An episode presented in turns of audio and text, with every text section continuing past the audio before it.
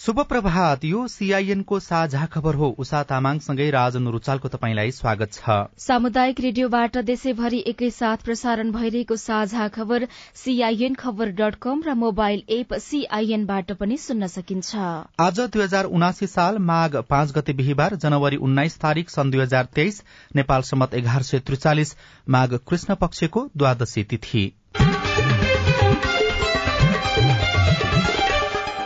साझा खबरमा प्रमुख खबरका शीर्षकहरू सभामुख चयनका लागि आज निर्वाचन हुँदै सत्ता पक्ष र विपक्ष गठबन्धन बनाएरै प्रतिस्पर्धामा मन्त्रीहरूको कूटनीतिक भेटमा परराष्ट्रका कर्मचारी अनिवार्य। सन्ताउन्न अर्बका ठेक्कामा शहरी विकास मन्त्री पाण्डेको कम्पनी श्रम मन्त्री अरियाल सामु प्रश्नै प्रश्नको चाङ आधा उखु क्रसिङ भइसकेपछि सरकारले मूल्य तोक्यो किसान असन्तुष्ट। नेपाल र भारतको डम्पिङ साइट बन्दै महाकाली नदी चितवनका किसान तोरी खेतीमा आकर्षित कृषिजन्य वस्तुको आयात तेह्र अर्बले घट्यो। चीनमा कोरोना संक्रमण दर उच्च समाधिस्थल र सप्ताह गृहमा चाप बढ़्यो। अफगानिस्तानमा चिसोका कारण सत्तरी जनाको मृत्यु ग्रीनल्याण्डको तापक्रम एक हजार वर्षमा सबैभन्दा तातो देखिएको एउटा अध्ययनको निष्कर्ष। र प्रधानमन्त्री कप राष्ट्रिय टी ट्वेन्टी महिला क्रिकेट प्रतियोगिताको सेमिफाइनल समीकरण पूरा।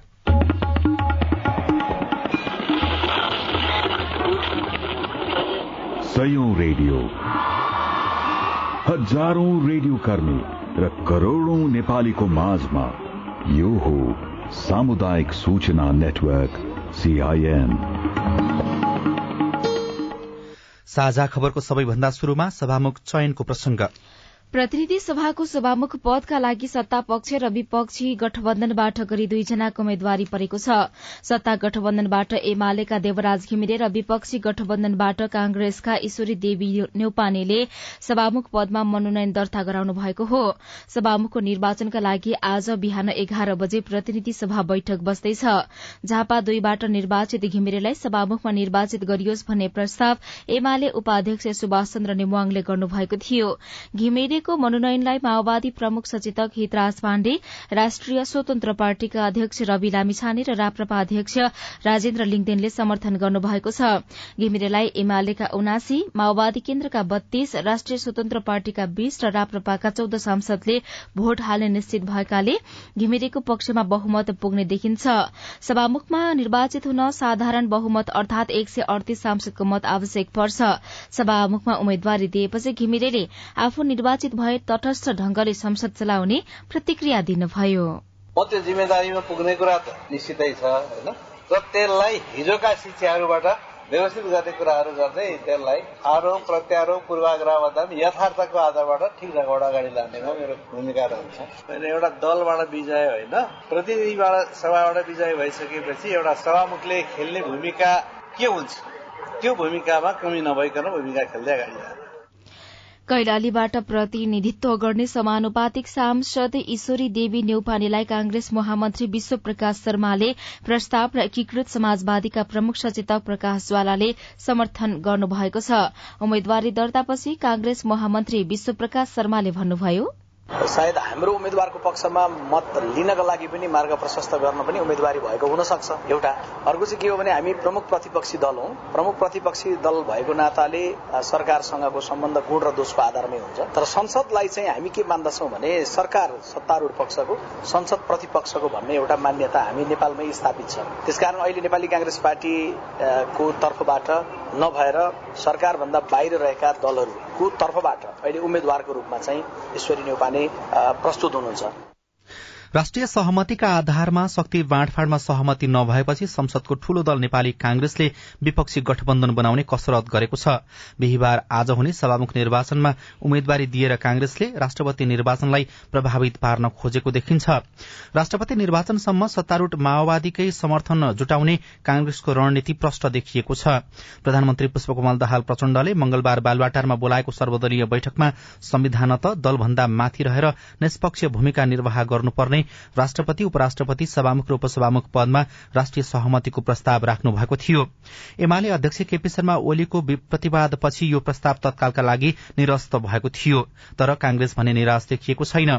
सभामुखमा उम्मेद्वारी दिएपछि दिए पनि सभामुख निर्वाचनको परिणाम हाम्रो पक्षमा आउँदैन तर राष्ट्रपति निर्वाचनसम्म संसदलाई नयाँ राजनैतिक ध्रुवीकरणमा लैजान सकिन्छ भन्नेमा विश्वास छ। कांग्रेसका एकजना नेताले प्रतिक्रिया दिएका छन्। प्रधानमन्त्रीजीले राष्ट्रपतिमा सहयोग गर्ने वचन दिनुभएको छ। उनले भनेका छन् प्रतिनिधि सभाको सभामुखका लागि सत्ता गठबन्धनका उम्मेद्वार देवराज घिमिरे विरूद्ध कांग्रेसले नेता ईश्वरी नेउपानेलाई अघि सारेको छ। जबकि अघिल्लो संसदमा सभामुखका दुईवटा निर्वाचनमा कांग्रेसले उम्मेद्वारी दिएको थिएन।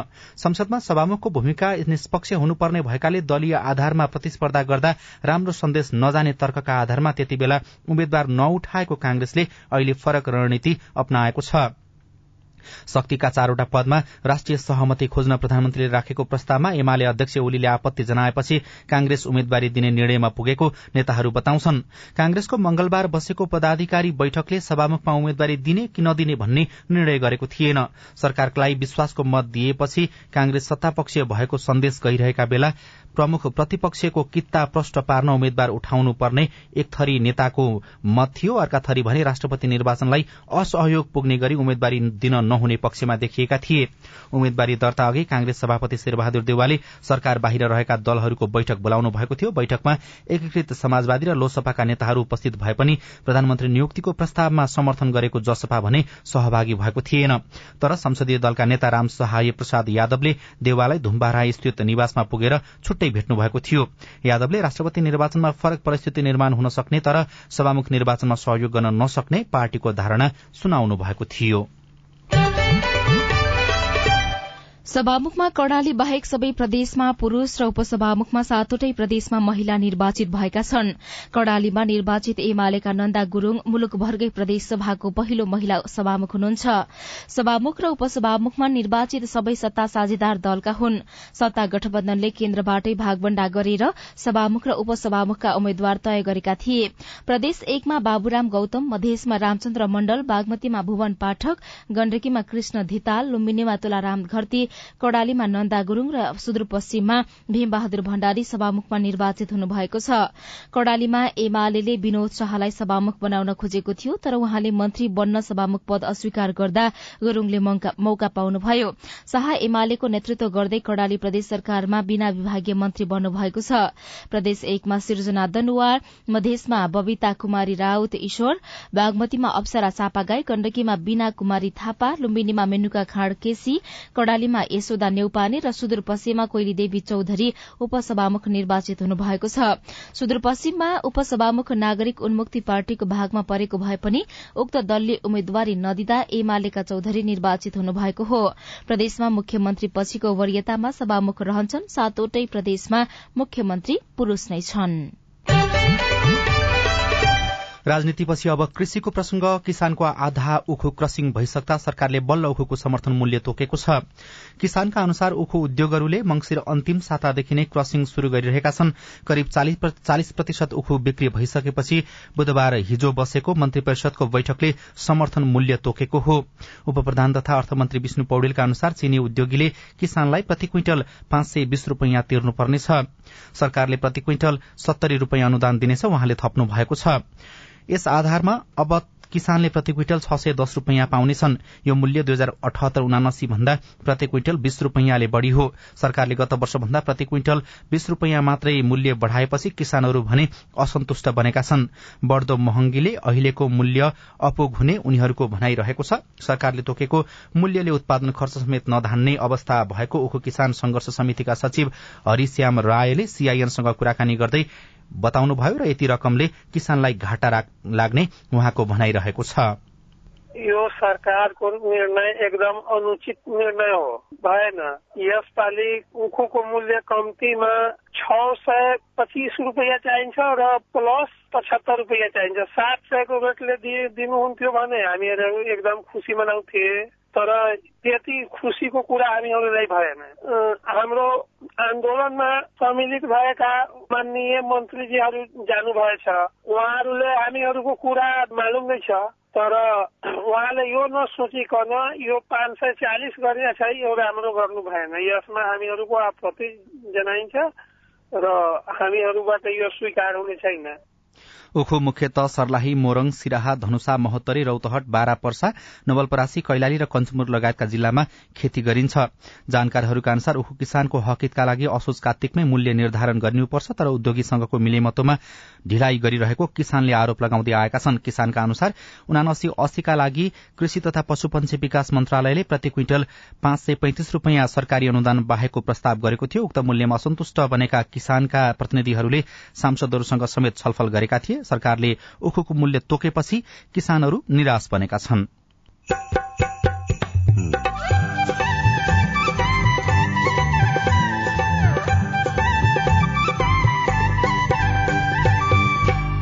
सामुदायिक सूचना नेटवर्क सीआईएन मार्फत देशभरि प्रसारण भइरहेको साझा खबरमा आधारभूत स्वास्थ्य सेवामै नागरिकको पहुँच छैन।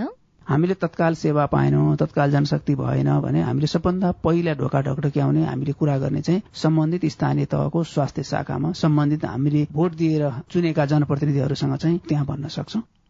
मन्त्रीहरूको कूटनीतिक भेटमा परराष्ट्रका कर्मचारी अनिवार्य सन्ताउन्न अर्बका ठेक्कामा शहरी विकास मन्त्री पाण्डेको कम्पनी लगायतका खबर बाँकी नै छन्। सीआईएनको साझा खबर सुन्दै गर्नुहोला। खै यतै कतै कतै भन्थे यता हो कि तल हो। कि माथि कता सर नमस्ते। हजुर नमस्ते नमस्ते हजुर के सेवा गरौं? सूचनाको हक भन्ने बारेमा रेडियो टिममा खुब सुनिन्थ्यो। हजुर। आज पालिकामा छिरेको बेलामा सोधिहाले हजुरलाई। तपाईँले सही व्यक्तिलाई सही प्रश्न सोध्नुभयो। म चाहिँ यो पालिकाको सूचना अधिकारी हुँ। सूचनाको हक भनेको संविधान कानूनमा उल्लेख भएको नागरिकको अधिकार हो हजुर। अनि यो अधिकार त पत्रकारले मागे पाए भन्ने मात्रै सुनिन्छ त। हामी जस्तो सामान्य मानिसले कसरी प्रयोग गर्ने? सूचना माग्ने पत्रकारले मात्रै होइन। कुनै पनि नेपाली नागरिकले सूचना प्राप्त गर्ने कारण उल्लेख गरी सम्बन्धित सूचना सूचना अधिकारी समक्ष निवेदन दिनुपर्छ। विधि र प्रक्रिया पूरा गरी निवेदन प्राप्त भयो भने सूचना अधिकारीले पन्ध्र दिनभित्रमा उपलब्ध गराउनु पर्ने सूचनाको हक सम्बन्धी ऐनमा भनिएको छ। पन्ध्र दिन पो कुर्नु पर्ने व्यक्तिको जीवनको सुरक्षासँग सम्बन्धित सूचना माग गरिएको हो भने नि हजुर चौबिस घण्टाभित्रै जानकारी दिनुपर्छ। अनि सरकारी वा सार्वजनिक निकायका अधिकारीले सूचना लुकाएमा पच्चिस हजारसम्म जरिवाना हुने व्यवस्था ऐनमा छ। त्यसका लागि चाहिँ राष्ट्रिय सूचना आयोगमा पुनरावेदन गर्नुपर्छ। अनि यो सूचना माग्दा पैसा पनि लाग्छ? लाग्दैन लाग्दैन। निवेदन उजुरी र पुनरावेदन गर्दा पैसा लाग्दैन। सम्बन्धित निकायले दिने सूचना दस पन्ना भन्दा बढीको भएमा चाहिँ प्रति पन्ना पाँच रुपियाँ तिर्नुपर्छ। ल कुरो बुझ्यो। अब भोलि नै म पनि सूचना माग्न आउँछु। हस् हस्। अस्ट्रेलिया सरकार र द एसिया फाउन्डेशनको साझेदारीमा सञ्चालित स्थानीय सरकार सबलीकरण कार्यक्रम र अकोराब नेपाल।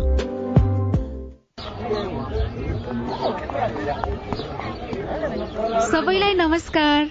अध्यक्ष उपाध्यक्ष सदस्य सबै पो आउनुभएछ त? हामी त विपद व्यवस्थापनमा जनप्रतिनिधिको भूमिकाकै बारेमा पो छलफल गर्दै थियौं। अनि के छ निष्कर्ष सुनौ न त? बाढ़ी पहिरो भूकम्प लगायतका विपदको समयमा महिलाका समस्या सम्बोधन गर्न पालिकाले अझ धेरै काम गर्न सक्छ भन्ने हाम्रो बुझाइरह्यो। विपद सम्बन्धी स्थानीय नीति कानून मापदण्ड बनाउने र कार्यान्वयन अनुगमन नियमनको अधिकार स्थानीय सरकारलाई छ। त्यसमा महिलाको पनि सहभागिता बढाउनु पर्यो। पालिकाको अध्यक्ष मै छु। पाएको अधिकार अनुसार हामी बनेको कानून कार्यान्वयन गर्ने अनि आवश्यक कानून बनाउने चरणमै छौं। अब तपाईँका सुझाव पनि समेटिन्छन् है। विपदको तयारी र प्रतिकार्यका लागि पालिकामा रहेको संयन्त्र र योजना अनि नीतिहरू महिला बालबालिका अपाङ्गता भएका यौनिक अल्पसंख्यक समुदायका व्यक्तिको आवश्यकतामा आधारित हुनु पर्यो अध्यक्षज्यू। दिदी बहिनीहरूले सही कुरा उठाउनु भयो यहाँ उठेका सबै कुरा कार्यपालिकाको बैठकमा राख्ने प्रतिबद्धता जनाउँदै बरु अध्यक्षज्यू अहिलेसम्म बनेका कानून कस्तो बने? अनि भविष्यमा कस्तो बनाउने भन्ने बारे भोलि नै एउटा छलफल राखौं न हुन्न? विपद पहिले विपदको बेला र विपद पछि कस्तो नीति बनाउने र महिलालाई कसरी सम्बोधन गर्ने भन्ने बारेमा भोलि नै सर्वपक्षीय बैठक गरौं। आएका सुझाव समेटेर बनेका कानून संशोधन र नयाँ कानून बनाउन पालिका तयार छ। विपद सम्बन्धी कानून निर्माण र कार्यान्वयनमा महिलाको अर्थपूर्ण सहभागिता खोजौं। युएन उमनको सहयोगमा ल्याक र अकोराब नेपाल। सामाजिक रूपान्तरणका लागि यो हो सामुदायिक सूचना नेटवर्क सीआईएन तपाईँ देशभरिका सामुदायिक रेडियो सीआईएन खबर डट कम र मोबाइल एप सीआईएनबाट एकैसाथ साझा खबर सुन्दै हुनुहुन्छ। अब आज काठमाडौँबाट प्रकाशित पत्र पत्रिकाका खबर। कान्तिपुर दैनिकमा श्रम मन्त्री अरियाल सामु प्रश्नै प्रश्न शीर्षकमा होम कार्कीले खबर लेख्नु भएको छ। सृष्टि ओभरसिज इम्प्लोइमेन्ट सर्भिसेजका अन्तर्राष्ट्रिय बजार निर्देशकको हैसियतमा रहनुभएका डोल प्रसाद डीपी अरियालले श्रम रोजगार तथा सामाजिक सुरक्षा मन्त्रालयको जिम्मेवारी लिएपछि प्रश्न उठेको छ। उहाँको कार्य सम्पादन कतिको पारदर्शी होला? मन्त्री अरियालमाथि प्रश्न तेर्सिनुमा कारण धेरै छन्।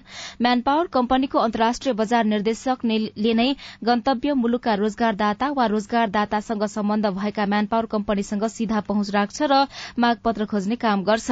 कामदारले पाउने सेवा सुविधा र शर्तको डिल पनि उसैले गर्छ। अहिले वैदेशिक रोजगारमा देखेका अधिकांश व्यतिथि यिनै अन्तर्राष्ट्रिय बजार निर्देशकहरू बीच मागपत्र हात पार्न हुने अस्वस्थ प्रतिस्पर्धाले सिर्जना भएका हुन्। ठूला म्यान पावर व्यवसायहरू श्रम मन्त्रीलाई प्रयोग गरेर व्यापार हात पार्न सधैँ चलखेल गर्छन्। एउटा म्यान पावर कम्पनीले खोजेर ल्याएको मागपत्र अर्को म्यान पावर व्यवसायलाई दिलाउन श्रम सहचारी वा श्रम काउन्सिलर प्रयोग गर्छन्। कि गर्दैनन्? नेपाल वैदेशिक रोजगार व्यवसायी संघका एक पदाधिकारीले भने यही बिन्दुबाट श्रम मन्त्रीको हैसियत थाहा हुन्छ। कान्तिपुर दैनिकको पहिलो पृष्ठमा सन्ताउन्न अर्बका ठेक्कामा मन्त्री पाण्डेको कम्पनी शीर्षकमा विमल खतिवड़ाले लेख्नु भएको खबर छापिएको छ।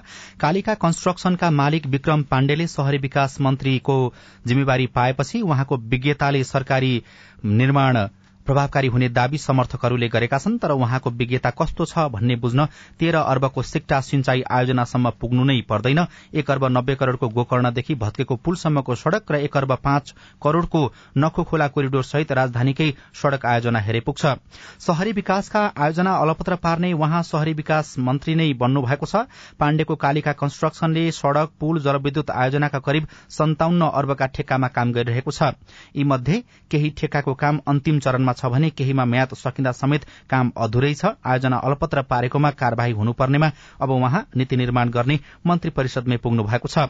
भौतिक पूर्वाधार तथा यातायात मन्त्रालय अन्तर्गत सड़क विभागको सत्ताइस अर्ब सतासी करोड़ एकसठी लाख तेइस हजार रूपियाँको ठेक्का कालिकाले संयुक्त रूपमा लिएको छ। त्यसबाहेक ऊर्जा मन्त्रालय अन्तर्गत तनहु जलविद्युत आयोजनामा एक्काइस अर्ब छैसठी करोड़ र सर्वोच्च अदालतको भवन निर्माणमा पाँच अर्ब सतासी करोड़को ठेक्कामा पनि संयुक्त रूपमा कालिका संलग्न देखिएको छ। पाण्डे आफै मन्त्री बनेको शहरी विकास मन्त्रालयका मात्रै करिब तीन अर्ब रूपियाँ भन्दा बढ़ीका ठेक्कामा कालिका कन्स्ट्रक्सन संलग्न छ। भौतिक पूर्वाधार तथा यातायात मन्त्रालयपछि सबैभन्दा बढ़ी ठेक्का पट्टा हुने मन्त्रालयमा शहरी विकास पर्छ खबरमा उल्लेख गरिएको छ। गोर्खापत्र दैनिकमा नेपाल र भारतको डम्पिङ साइट बन्दै महाकाली शीर्षकमा खबर छापिएको छ। यो खबरलाई बैतडीबाट गोकर्ण दयाले लेख्नु भएको हो। नेपाल भारतको पश्चिमी सिमानाको महाकाली नदी दुवै देशको फोहोर विसर्जन गर्ने स्थल बन्दै गएको छ। नदीमा दुई देशका निकटवर्ती शहरको फोहोर थुप्रिँदा नदी प्रदूषित बन्दै गएको छ। नेपालतर्फ बैतडीको दशरथन नगरपालिका दश झोलाघाटका शौचालयको ढल सिधै महाकालीमा मिसिन्छ भने दार्चुलाको महाकाली नगरपालिकाको डम्पिङ साइट महाकाली नदी छेउकै छ। उता भारततर्फको झुलाघाट बजार र धारचुला बजारको फोहोर पनि महाकाली नदीमै मिसिएको छ। नयाँ पत्रिका दैनिकमा मन्त्रीहरूको कूटनैतिक भेटमा परराष्ट्रका कर्मचारी अनिवार्य शीर्षकमा खबर छापिएको छ। मन्त्रीहरूले विदेशी कूटनीतिक नियोगका प्रतिनिधिसँग भेट गर्दा अनिवार्य रूपमा परराष्ट्र मन्त्रालयका कर्मचारी राख्नुपर्ने निर्णय सरकारले गरेको छ। मन्त्री तथा पदाधिकारीले आचार संहिता विपरीत आफू खुशी विदेशी प्रतिनिधि भेट्न थालेपछि हिजो बसेको मन्त्री परिषद बैठकले यस्तो निर्णय गरेको हो। कान्तिपुर दैनिकको पहिलो पृष्ठमै उत्कृष्ट विद्यार्थीलाई भैंसी पुरस्कार शीर्षकमा अमृता अनमोलले बुटुवलबाट लेख्नु भएको खबर छापे छापिएको छ। उत्कृष्ट विद्यार्थीलाई प्रोत्साहन गर्न के पुरस्कार दिने विद्यालयको शैक्षिक गुणस्तर सुधार्न कस्तो उपाय अप्नाउने यसका अनेकौं विधि होलान्। रूपन्देहीको मायादेवी गाउँपालिकाको सुण्डी माध्यमिक विद्यालयले भने उत्कृष्ट विद्यार्थीलाई भैंसी पुरस्कार दिने गरेको छ। विद्यालयले आठ वर्षदेखि विद्यार्थीलाई उत्कृष्ट भए बापत भैंसी दिँदै आएको हो। प्रधान अध्यापक सतीश चन्द्र मणि त्रिपाठीले विपन्न विद्यार्थीलाई पढ़ाइमा निरन्तरता दिन सहयोग होस् भनेर भैंसी पुरस्कार कार्यक्रम ल्याएको बताउनु भएको छ। विद्यालयमा लोध हरिजन लगायतका अति विपन्न परिवारका विद्यार्थी छन्। कतिपय अभिभावकको जग्गा छैन गरी खाने सिप छैन। उहाँले भन्नुभयो यस्ता अभिभावकले छोराछोरीलाई बीचमै पढ़ाई छुटाउँछन्। भैंसी पाएपछि त्यसको कमाईले परिवार चल्छ र छोराछोरीको पढ़ाई पनि छुट्दैन। विद्यालयले ल्याएको कार्यक्रमको सर्वोत्तर प्रशंसा भएको पनि बताइएको छ।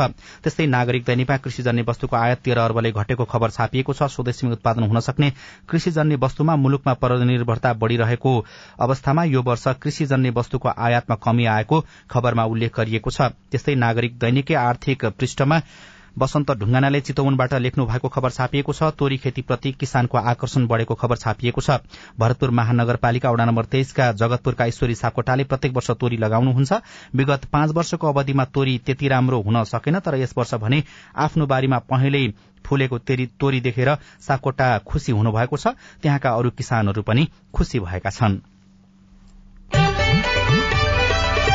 साझा खबरमा अब हेलो सीआईएन सजना तिमल सिन्हाबाट। मेरो भाइको चाहिँ तिन वर्ष अगाडि हराएको यो पासपोर्ट बनाउन मिल्ला कि नमिल्ला भनेर प्रश्न छ मेरो। तपाईँको प्रश्नमा काभ्रे पलाञ्चोकका सहायक प्रमुख जिल्ला अधिकारी अमरदीप सुनवारको जवाब छ। तपाईँले तिन वर्ष अगाडि एमआरपी पासपोर्ट बनाउनु भएको होला। यी पासपोर्ट भनेर नयाँ भर्सन आएको छ। र यी पासपोर्टको लागि चाहिँ तपाईँले अनलाइन फर्म भर्नुपर्छ। काभ्रे जिल्लाको हकमा हामीले मंगलबार र शुक्रबार दिउँसो साढे एक बजेदेखि साढे दुई बजेसम्ममा अनलाइन फर्म खुलाउँछौ। त्यतिखेर यहाँले फर्म भरेर डेट बुकिङ गर्नुपर्नेछ। अनलाइन फर्ममा न्यू फर्म एप्लिकेसन भनेर अप्सन चुज गर्नु होला बुक गरेको डेटमा जिल्ला प्रशासनमा सम्पर्क गर्न आउनुहोला। तपाईँको ई पासपोर्ट बन्छ। म भेरी नगरपालिका वडा नम्बर चार जाजरकोटबाट कृष्ण प्रेम आचार्य। मेरो जिज्ञासा के छ भने लामो समयदेखि वर्षा नभएको हुँदा हिउँदे बाली नालीहरू सुक्दै गएकोले म लगायत सम्पूर्ण कृषकहरू निकै नै चिन्तित भएका छन्। तत्काल वर्षा हुने नहुने सम्बन्धमा के कस्तो सम्भावना छ? जानकारी गराउँदै हुनुहुन्छ मौसम पूर्वानुमान महाशाखाका वरिष्ठ मौसमविद शान्ति कणेल जाजरकोट लगायत देशव्यापी रूपमा नै यसपालि सुक्खा नै चाहिँ मौसम भएको अवस्था छ। जाडो यामको लागि पूर्वानुमान गरेका थियौँ त्यसमा पनि औसत भन्दा कम वर्षा हुने पूर्वानुमान नै थियो। र अबको केही दिनको मौसम पूर्वानुमान हेर्दाखेरि बिहिबार शुक्रबार चाहिँ जाजरकोट लगायत आसपासका विशेष गरी त्यसको पश्चिमी क्षेत्रहरूमा चाहिँ मौसममा बदली हुने। यो उच्च पहाडी तथा हिमाली भूभागहरूमा हल्का हिमपातको सम्भावना देखिन्छ। जाजरकोट आसपासमा त्यस्तो ठूलो वर्षा हुने सम्भावना त छैन तर बिहिबार र शुक्रबार को लागि छिटपुट वर्षा हुने सम्भावना चाहिँ देखिन्छ। अनि किसानको खेतबारीमा चिसियान कायम राख्न भेरी नगरपालिकाको योजना के छ?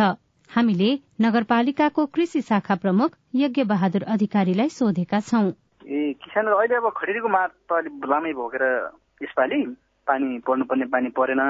अब चिस्यानको मात्र राखिराख्नको लागि साना सिँचाइहरू प्लास्टिक पोखरीहरू छन् पाइपहरू छन् त्यसपछि विभिन्न निकायहरूबाट बनेका चाहिने साना सिँचाइका चाहिने जुन पूर्वाधारहरू छन् ती पूर्वाधारहरूलाई चाहिँ सदुपयोग गरेर त्यो स्रोत पनि छ र पूर्वाधारहरू पनि छन् बिग्रेको छ भने बनाएर चाहिँ सक्ने हो।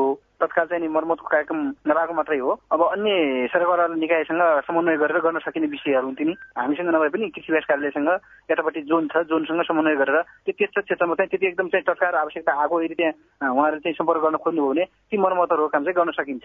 तपाईँ जुनसुकै बेला हाम्रो टेलिफोन नम्बर शून्य एक बान्न साठी छ चार छमा फोन गरेर आफ्नो प्रश्न विचार गुनासो तथा प्रतिक्रिया रेकर्ड गर्न सक्नुहुनेछ। साझा खबरमा अब विदेशका खबर अफगानिस्तानका धेरै प्रान्तहरूमा अत्यधिक चिसो बढ़दा हालसम्म सत्तरी जनाको मृत्यु भएको छ। त्यहाँको तापक्रम माइनस तेत्तीस डिग्री सेल्सियससम्म झर्दा एक साताको अवधिमा सत्तरी जना सर्वसाधारण नागरिकको मृत्यु भएको छ भने सत्तरी हजार भन्दा बढ़ी गाईवस्तु मरेका छन्। चीनमा कोरोना भाइरसको संक्रमण बढ़दै जाँदा त्यहाँका समाधिस्थल र सप्ताह गृहमा भीड़ लाग्न थालेको छ। चीनको बेजिङ चेन्दु कुनमिङ नान्जिङ जस्ता शहरमा अन्तिम संस्कार गर्ने स्थानमा भीड़भाड़ देखिएको हो। चीनका केही स्थानमा रहेका सप्ताह गृहमा मानिसहरूको चाप बढ़ेपछि अन्तिम संस्कार गर्न लाग्ने शुल्क पनि बढ़ेर तीन सय डलरसम्म पुगेको छ। र ग्रीनल्याण्डको तापक्रम एक हजार वर्ष यताकै सबैभन्दा तातो भएको एउटा अध्ययनले खुलासा गरेको छ। बढ़दो तापक्रमले मानव संचालित जलवायु परिवर्तनको बढ़दो प्रभावलाई जोड़ दिएको अध्ययनको निष्कर्ष देखिएको छ। साझा खबरमा अब खेल खबर। प्रधानमन्त्री कप राष्ट्रिय टी ट्वेन्टी महिला क्रिकेट प्रतियोगिताको सेमी फाइनल समीकरण पूरा भएको छ। हिजो लुम्बिनी प्रदेशलाई सोह्र रनले हराउँदै मध्य प्रदेश सेमी फाइनलमा प्रवेश गरेसँगै सेमी फाइनल समीकरण पूरा भएको हो। इटहरीमा भएको पहिलो खेलमा मध्य प्रदेशले दिएको एक सय आठ रनको लक्ष्य लुम्बिनीले भेटाउन सकेन। मधेसले निर्धारित बीस ओभरमा पाँच विकेटको क्षतिमा एक सय सात रन बनाएको थियो जवाफमा लुम्बिनीले पाँच विकेटको क्षतिमा एकानब्बे रन मात्र बनाउन सक्यो।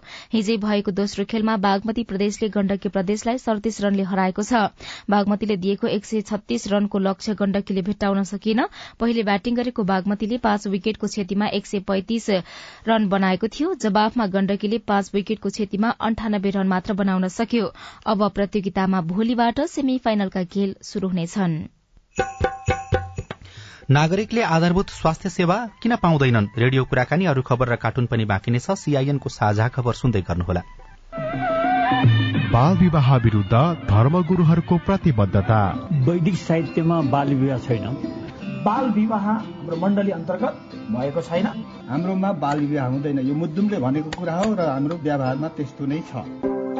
राधामिस गीता बाइबल कुरान वेद लगायतका सबै धर्मका ग्रन्थहरूले बाल विवाह गर्नुहुन्न भनेको भनेर धर्मगुरूले रेडियोबाट भनेको सधैँ सुन्ने गरिन्छ। तर किन बाल विवाह अन्त्य नभएको होला? हाम्रो नगरलाई बाल विवाह मुक्त गराउन अब के गर्ने होला? त्यो त हो नगर प्रमुखज्यू भनेर मात्रै पुग्दैन। सबै धर्मका धर्मगुरूहरूले म बाल विवाह गराउने काममा संलग्न हुन्न भनेर प्रतिबद्धता जनाउने र अरूलाई पनि त्यस्तै सिकाउने कार्य गर्न सके मात्रै त्यो कार्य प्रभावकारी हुन्छ। अनि बाल विवाह विरूद्ध काम गर्ने संघ संस्थाहरू र तपाईँहरू जस्ता स्थानीय सरकारले पनि धर्मगुरू र धार्मिक अगुवाहरूलाई यो अभियानमा सँगसँगै सहभागी गराएर अघि बढ़ाउन सके। बाल विवाह लगायतका हानिकारक परम्परागत अभ्यास अन्त्य गर्न सकिन्छ। हुन्छ राधामिस म त्यसै गर्छु। ओल्ड भिजन इन्टरनेसनल नेपाल र अकुराब। सामाजिक रूपान्तरणका लागि यो हो सामुदायिक सूचना नेटवर्क सीआईएन साझा खबरमा अब स्वास्थ्य सेवामा प्रभावकारिताको खोजी। नेपालको संविधानले आधारभूत स्वास्थ्य सेवालाई प्रत्येक नागरिकको मौलिक हकको रूपमा स्थापित गरेको छ तर आधारभूत स्वास्थ्य सेवामै आम नागरिकको पहुँच छैन। त्यसैले सरकारी स्वास्थ्य संस्थाप्रति आम जनताको विश्वास खस्कदै गएको छ। स्वास्थ्य सेवा स्थानीय तह मातहतमै पुगे पनि नागरिकले सिटामोल नपाउने अवस्था किन आउँछ? स्वास्थ्य मन्त्रालयका सहप्रवक्ता डाक्टर समीर कुमार अधिकारीलाई साथी अविनाश आचार्यले सोध्नु भएको छ। ग्रामीण भेगसम्म स्वास्थ्य सेवालाई विस्तार गर्ने स्वास्थ्य संस्थासम्म सर्वसाधारणहरूको पहुँच बढोस् र स्वास्थ्य कर्मीहरू त्यहाँ रहेर सेवा दिन सक्ने वातावरण बनोस् भनेर राज्यले नीतिगत रूपमै धेरै कुराहरू परिवर्तन गर्दै त्यो वातावरण बनाउँदै गएको छ। अहिले चाहिँ औषधि उपलब्ध भएन भने स्थानीय सरकार त्यही छ। स्थानीय तहहरूबाट आवश्यक अत्यावश्यक औषधिहरूको व्यवस्थापन हुने प्रबन्धहरू छन्। सबै पहिले विगत जस्तो काठमाडौँबाटै औषधि एउटा कुनै दूर दराजको स्वास्थ्य चौकीमा पुग्नै पर्ने अवस्थाको अन्त्य भइसकेको अवस्था स्थानीय सरकारले पठाउनु पर्ने औषधि पनि पठाइराखेको छ अहिले स्वास्थ्य संस्थामा जति प्रकारका औषधि निशुल्क दिइने भनेको छ त्यति प्रकारका औषधि निशुल्क पाइँदैनन् अहिले पनि। त्यस्तो हुँदाखेरि चाहिँ हामीले सम्बन्ध निकायहरूसँग समन्वय गरेर आवश्यक व्यवस्थापनको कामहरू चाहिँ पक्कै पनि गरिरहेका हुन्छौँ गर्छौँ पनि। कुनै त्यस्तो स्पेसिफिक स्वास्थ्य संस्थाहरूमा कहिले काहीँ खरिद गर्ने प्रक्रियामा अथवा आपूर्ति गर्ने प्रक्रियामा ढिलाइ भएको तात्कालिक त्यो एउटा समयको लागि मात्रै केही फरक परेको भयो भने त्यो छुट्टै कुरा हो। नभए त नियमित हामीले सरदर हेर्दाखेरि हाम्रो प्रतिवेदनहरूमा अथवा हामीलाई प्राप्त भएको फिडब्याकहरूको आधारमा हेर्दाखेरि अत्यावश्यक औषधिहरू मध्ये प्राय जसो उपलब्ध भएको भन्ने जानकारीहरू छन्। त्यस्तो तपाईँले भन्नुभएको जस्तो यो संस्थामा यस्तो छ भन्ने हिसाबले हामीले त्यसरी फिडब्याकहरू आम सर्वसाधारणबाट आम सञ्चार माध्यमहरूबाट पायौँ भने सम्बन्धित स्थानीय तहहरूसँग बसेर समन्वय गरेर यस्तो यस्तो छ यसलाई अलिकति सहजीकरण के के गर्नुपर्छ भन्ने खालको वातावरण पनि हामीलाई काम गर्न पनि सहज हुने वातावरण हुन्थ्यो। मैले जोड्दै थिएँ एउटा आम नागरिकले स्वास्थ्य संस्थामा गएर उसले पाउनु पर्ने खालको सुविधा सामान्य खालको सुविधा पनि पाएन भने उसले सरकारले सुन्ने गरी कहाँ गुनासो गर्ने? त्यस्तोमा हामीले सबभन्दा सुरुमा स्थानीय आफ्नो स्थानीय तहका जनप्रतिनिधिहरूलाई